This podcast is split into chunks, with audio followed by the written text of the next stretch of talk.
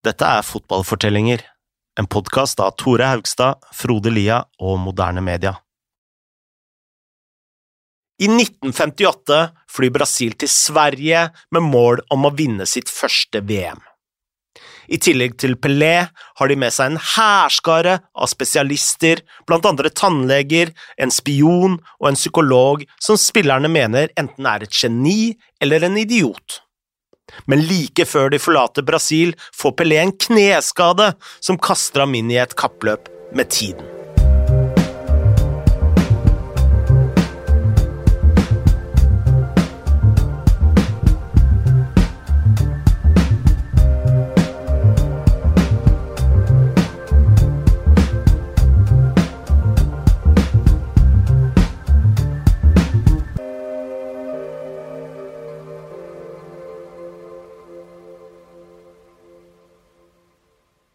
Sommeren 1958 sto det enormt mye på spill for Brasil.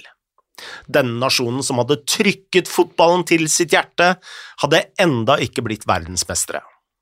Spøkelset fra tapet mot Uruguay på Maracana i 1950 hang fortsatt i luften, og da de skulle ta revansj i VM i 1954, hadde Brasil røket ut mot Ungarn i en voldelig kvartfinale som inneholdt en rekke slåsskamper og tre røde kort, og som senere ble kjent som Slaget i Bern. Innen Brasil dro til Sverige, hadde det faktisk utvikla seg et slags mentalt kompleks rundt landslaget. For å høre mer om dette har vi prata med Caio Carrieri, en journalist fra Brasil som har både skrevet mye om Brasils fotballhistorie, og som har prata med mange av legendene fra VM-lagene. Han sa dette om stemninga rundt laget før VM i 58. It happened like only eight years after what was then the biggest sporting shock in Brazil history, which was losing the 1950 final to Uruguay, which uh, is famously known as Maracanazo. And uh, there was this famous Brazilian writer called Nelson Rodrigues. It's it was a guy that he mixed literature with sports writing, and uh, I would say that he shaped the imagination of loads of Brazilian fans because back in the day, people listened to games on the radio and they would read Nelson Rodriguez articles, try to picture how the, the games was. And uh, he, when Brazil lost to Uruguay, he gave uh, uh, this uh, definition of Brazil having, I don't know if this is the, the best translation, but it's kind of the, the rescue dog stigma that Brazil uh, self-esteem was really low, that Brazilians didn't uh, were not confident about doing anything, and mainly after the losing a big final at home. And he, he created this idea of Brazilians not being confident, totally the opposite that what is the imagination of people about Brazilians nowadays playing football. Men i 1958 hadde brasiliansk fotball fått seg en ny sjef. Joao Havelange hadde vunnet presidentvalget i Fotballforbundet med 185 stemmer mot 9. Og om du har hørt vår sesong om Havelange, så vet du at dette er en fyr som ikke akkurat mangla vinnermentalitet. Før VM i Sverige var han forberedt på å gjøre hva som helst for at Brasil skulle bli mestere. Dette var også i en tid hvor Brasils president Juscelino Kubitschek hadde gitt store løfter om landets utvikling og økonomi. Han sa blant annet at han lova 50 års utvikling på fem år. Kubisek var også opptatt av fotball, og han valgte nå å sponse en del av landslagets VM-kampanje i Sverige. Så med disse pengene på bok satte Havalanche i gang en VM-kommisjon som ble styrt av hans gode venn Paulo Machado de Carvalho, en mediemogul fra Sao Paulo. Det de gjorde i forkant av 1958, det var eh, eh, Da gikk de veldig grundig til verks. Da Eh, hadde de en stor tropp som de analyserte på alle mulige forskjellige måter. De hadde massevis av leger og doktorer. Eh, de hadde psykiatere som snakket, psykologer som snakka med alle spillerne for å på en måte finne ut av hvilket nivå de befant seg på mentalt. De var i Sverige på research-tur året før VM for å finne ut hvor det var ideelt å bo. Og de var, hadde lang akklimatisering. Eh, VM-troppen var samla eh, lang tid forveien, så det gikk veldig grundig til verks og drev en slags idrettsforskning som jeg, uten at jeg vet hva alle andre land drev med på den tida, så har jeg en følelse at de på mange måter var langt i forkant. Det arbeidet de la ned, viser at de tok det veldig seriøst, og at de, eh, at de på et vis tenkte på alle aspekter ved turneringa, som man selvfølgelig gjør i dag, men som jeg vet ikke om det var fullt så vanlig å gjøre det på den tida der. Og det, ja, det, det sier litt om, de, om, ambisjonsnivået og om hvor de mener de, de bør høre hjemme. Da. Det gjør det. Havalanche og Di Cavallo overlot ingenting til tilfeldighetene. De hyrer altså inn en doktor, en fitnesstrener, en psykolog, en tannlege, en materialforvalter og ikke minst en spion på fulltidskontrakt som skulle luske rundt i buskene. Kommisjonen gransket 25 ulike steder i Sverige på jakt etter den beste treningsbasen. Brasil hadde en disiplin og organisering som selv ikke tyskerne kunne matche. På selve laget hadde kun noen få stjerner overlevd fra VM i 54. To av disse var Didi, en høyreist midtbanegeneral, og den raske backen Nilton Santos. To av de nye spillerne som var mest spennende, var nettopp Pelé, som var 17 år, og høyrevingen Garincha. Og eh, Garincha fortjener vel egentlig en egen sesong, men Akkurat i denne fortellinga kan vi nøye oss med å si at han var en virvelvind av en høyrekant, at han ikke var den skarpeste kniven i skuffa, og at han hadde et venstrebein som var bøyd utover, og et høyrebein som var bøyd innover. Brasils trener var Vicente Feola, en noe korpulent fyr med godt humør, som hørtes litt ut som en slags Carlo Angelotti, og som ikke var fremmed for å ta seg en blund på benken. Brasil begynte forberedelsene med en leir og vennskapskamper i Minas Gerais. I siste match mot Corinthians skjedde det som ikke skulle skje. En spiller kasta seg inn mot Pelé og traff ham i kneet. Smertene var så store at Pelé måtte ut, og doktorene sa at han var tvilsom til VM. Det finnes en historie om at lagkameratene beordra trenerstaben om å ta ham med til Sverige. Skada eller ei. Da Brasil fløy til Italia for å spille flere kamper, var Pelé om bord. I flyet på vei til Europa hadde kommisjonen laga en quiz for å holde spillerne i godt humør. Da de kom til Roma, så vandra de rundt som turister og så sikkert på Colosseum og spiste litt iskrem og slappa av. Så spilte de mot Fiorentina i Firenze, uten Pelé. Doktoren på laget het Hilton Gosling, og nå fortalte han Pelé at om han skulle ha noen sjanse til å spille VM, så måtte han lide seg gjennom en smertefull rehabilitering, noe Pelé ble med på. Og her snakker vi ikke om sprøyter eller avanserte tekniske maskiner. Løsninga her var å legge varme håndklær på Pelés vonde kne og håpe at smerten ga seg. Seks dager før første VM-kamp landa Brasil i Gøteborg. De reiste videre østover til den lille byen Hindås, hvor de sjekka inn på et hotell. Kommisjonen visste at stallen besto av unge karer, mange av dem single, så de hadde krevd at hotellet fjerna alle de 25 kvinnene som jobba der, og erstatta dem med menn.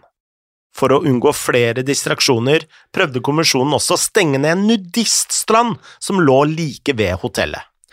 Utenfor banen gjorde Brasil sitt beste for å slappe av og ikke tenke for mye på kampene og alt presset. De besøkte Liseberg, de spilte dart, og de gikk til en lokal dansesal. Og Pelé han elska Sverige. Han beundra naturen og fjellene og alle skogene, han likte å puste i den friske lufta, og han syntes at svenskene var veldig, veldig hyggelige. Han hang også mye med Garincha, og en gang fikk de to øyene opp for en batteridreven radio som sto på en lokal kanal. En sånn en har jeg lyst på, sa Pelé, og så på Garincha, som ikke forsto noen ting. Hvorfor i alle dager skulle Pelé kjøpe noe som hadde et språk han ikke forsto? Brasils psykolog het Jao Carvalhaes, og før Brasils første kamp mot Østerrike gjorde han tester på spillerne, blant annet ved å stille dem spørsmål og be dem tegne ting.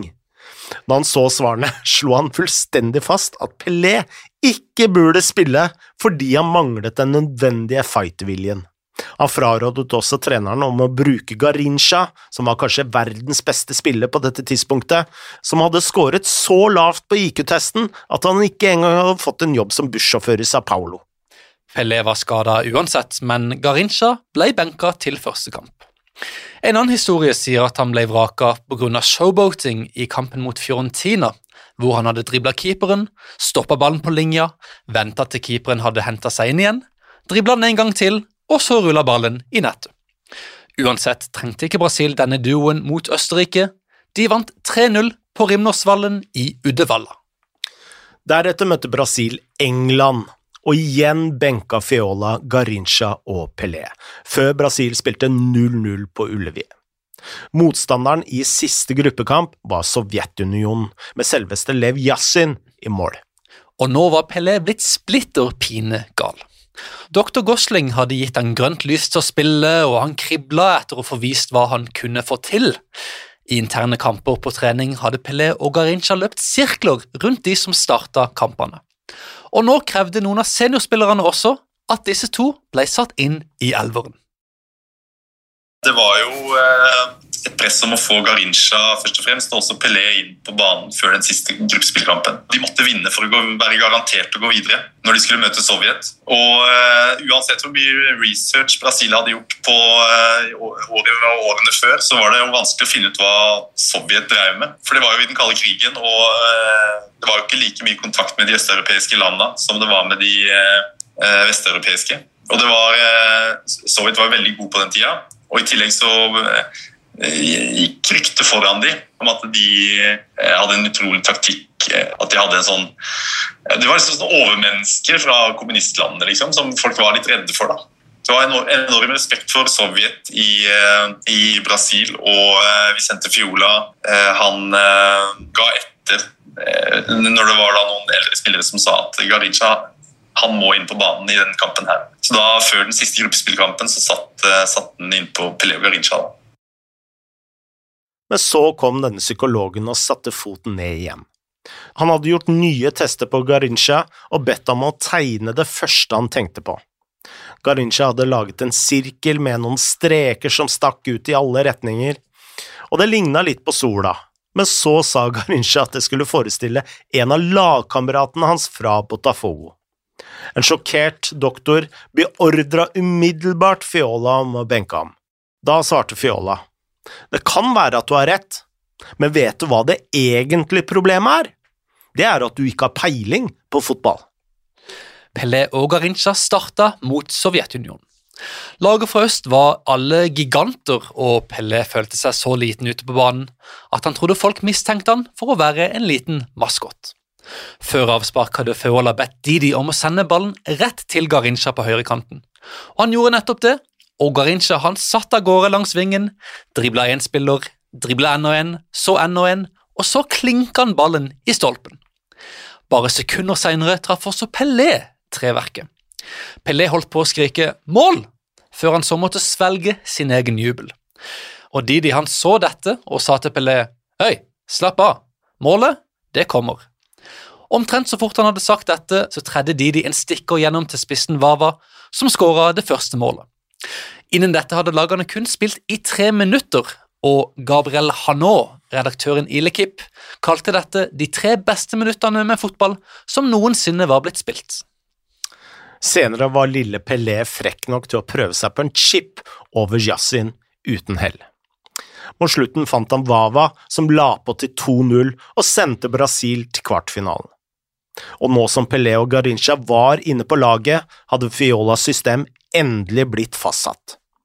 Brasil hadde Vava og Pelé på topp, Garincha på høyre og Mario Zagallo på venstre. Dette systemet til Fiola var veldig uvanlig for sin tid. Den taktiske nyvinningen hans var jo viktig, med 4-2-4 som grenser over til 4-3-3. Eh, fordi da Zagallo på venstrevingen trapp litt bakover eh, når de skulle forsvare seg. Hvor det var da Didi var jo midtbane, den elegante midtbanespilleren som var en sånn veldig stor pasningslegger. Eh, og hvor det da var to bekker og to midtstoppere. Mens man da før hadde spilt med to eller tre mann bak. Og det var jo da etter hvert også bekker som også ble angripere. Fordi Nito Santos gikk i angrep på bekken i den ene kampen i VM i 58. Og så oppdaga man at de fikk et ekstra våpen hvis man pusha bekkene fram i angrep, samtidig som de var bekker, skulle være med hjemover. Selv om dette systemet var velbalansert, så fungerte ikke alt hele tida optimalt. Garincha var så vanskelig å lese at selv ikke Pelé og Wawa visste hva han skulle gjøre. Det var umulig for de å vite om han kom til å legge inn, eller dra ballen tilbake i banen, eller drible backen en gang til, og ofte havna de to i offside fordi de selv hadde blitt lurt av Garincha. Det samme var sant om Didi, som elska å late som man skulle sende ballen til én side, for så å slå en pasning i motsatt retning. Plutselig hadde Pelé løpt feil vei og ble belønna med noen sinte gloser fra midtbanen. Det finnes også en historie om Nilton Santos som er blitt gjenfortalt, kanskje på noe romantisk vis av forfatteren Eduardo Galliano. Før VM i 1958 var det ingen tradisjonelle bekker som ble med i angrep. Men da Brasil ledet 1-0 mot Østerrike, tok Nilton Santos ballen, kryssa midtstreken og dribla seg forbi to mann. Fiola skal ha reist seg opp fra benken og skreket Hva i alle dager er det du driver med? Kom deg hjemover! Men Nilton Santos nekta å stoppe og fortsatte reidet mens Fiola begynte å svette. Da Nilton Santos avslutta løpet med å score, snudde Fiola seg mot benken og sa Hva var det jeg sa? Han der vet hva han driver med. Wales ble ingen match for Brasil i kvartfinalen, spesielt ikke uten legendariske John Charles, som ikke var blitt spilleklar. Pelé skåret sitt første VM-mål, og Brasil vant 1-0. I semifinalen venter Frankrike, som hadde ustoppelige Just Fontaine på topp, og playmakeren Raymond Kåpa. Kampen var jevn i starten, men så kom Wawa med en grisetakling på Robert Jonquet, som rett og slett brakk beinet. Det var ikke lov med bytter på den tida, så Jonquet ble hinkende rundt på vingen, og Frankrike hadde i praksis ti mann. Brasil vant 5-2, Pelé skåra hat trick, og fansen svarte med jubel og sjenerøs applaus. Og Pelé han skrev senere at etter den kampen så tror jeg at alle i hele verden heia på Brasil. Men det var jo ikke helt sant, for i finalen skulle Brasil møte Sverige, som hadde hjemmefansen i ryggen. Da nasjonalsangen ble spilt, tenkte Pelé tilbake til VM i 1950 og så for seg faren som gråt ved radioen. Nils Lidholm skåra for Sverige, og for første gang i VM-et lå Brasil under. Pelé ble redd for at Brasil skulle få panikk, men så skåra Wawa to ganger, og så serverte Pelé kampens store kunststykke. Pelé fikk først en høy ball inn fra venstre, og i stedet for å liksom gå opp og heade denne ballen, da, så brukte han sin enorme spenst til å ta den ned på kassa i en tung duell med svensken Sigge Parling. Deretter, i neste bevegelse omtrent, lobba Pelé ballen over en ny svenske, Bengt Gustavsson, og banka en volley nede i hjørnet. Dette var en av de beste målene som både hadde blitt skåra, og som skulle blitt skåra i en VM-finale. Senere la Zagallo på til 4-1, svenskene reduserte, før Pelé skåra igjen. Brasil vant 5-2 og var verdensmestere for første gang. Da kampen var over, besvimte Pelé foran det svenske målet. Han ble vekket av Garincha, som holdt beina hans opp slik at blodet skulle strømme til hodet. Brasil tok en æresrunde mens Pelé gråt i armene på lagkameratene. De ble gratulert av kong Gustav, som tok turen ned fra tribunen. Da Brasils kaptein Hilderaldo Bellini fikk trofeet, slet fotografene fra Brasil med å se ham, kanskje fordi de var lavere enn svenskene, eller fordi de sto bakerst. De ba Bellini om å løfte pokalen så høyt han bare kunne, så Bellini holdt pokalen over hodet, og kameraene knipsa i vei. Og med det skapte Bellini rutinen som alle tittelvinnerne skulle følge siden. Dagen etter finalen skrev magasinet Paris Match at Pelé var fotballens nye konge. Han var nå blitt en internasjonal superstjerne og en helt over hele Brasil. Med hans mål i Sverige hadde Brasil fått et nytt selvbilde, både som land og nasjon. It was the beginning of overcoming this uh, rescue dog stigma to build a national confidence, to build uh, confidence that the team could deliver, that we could face uh, European teams, that we could beat them. So I think that title impacted not only on the pitch, but off the pitch and on society as well. How Brazilians saw themselves back then. Dette var ikke de eneste grunnene til at tittelen var så viktig for Brasil. Det oppsto også i 1950 en slags følelse av at det her var en urettferdighet. Det er noe som ikke er riktig når ikke Brasil vant den tittelen. Så det var på et vis å liksom overkomme tragedien i 1950. Så det var en veldig liksom, forløsning for nasjonen på alle mulige måter. Og også litt så var det jo også at de følte de fortjente det. De, eh, veldig mange syntes de spilte den beste fotballen og hadde de beste spillerne. og da var det bare rett og rimelig at de vant VM, og ikke Uruguay, som hadde stjålet den i 1950. Spillerne var utslitte etter VM og ville bare hjem så fort som overhodet mulig. Men innerst inne må de ha visst at den planen var helt umulig. Da de landa i Resif, ble de mottatt med enorm jubel idet de gikk ut av flyet. I Rio de Janeiro ble de lesset opp en brannbil som kjørte dem gjennom folkemengden og helt til presidentpalasset, hvor de ble lovet både jobber og hus. Pelé møtte faren, som var veldig rørt, og moren, som gråt og gråt. Etter atter en fest i Sao Paulo dro Pelé endelig hjem til Bauro, hvor han ikke hadde vært på lang tid. Da flyet landa, sto folk pressa opp langs gjerdene på rullebanen for å ta han imot.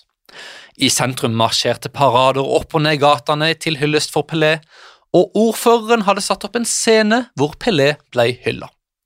En gate ble oppkalt etter han, og han fikk både medaljer og gaver. En av gavene var en Romisetta, en knøttliten bil på tre hjul, og siden Pelé ikke var gammel nok til å kjøre han, så ga han bilen til faren. Da festen endelig var over, var Pelé ute og gikk i sitt gamle nabolag i Bavro. Plutselig så han en gjeng gutter spille fotball på en av hans gamle baner, og han gikk bort og spurte om han kunne bli med. De sa selvfølgelig ja. Så gikk den ferske verdensmesteren hjem, tok på seg trøye og shorts, gikk barbeint tilbake til banen for å spille. Pelé hadde forlatt Bauru for to år siden. Bauru hadde enda ikke forlatt ham.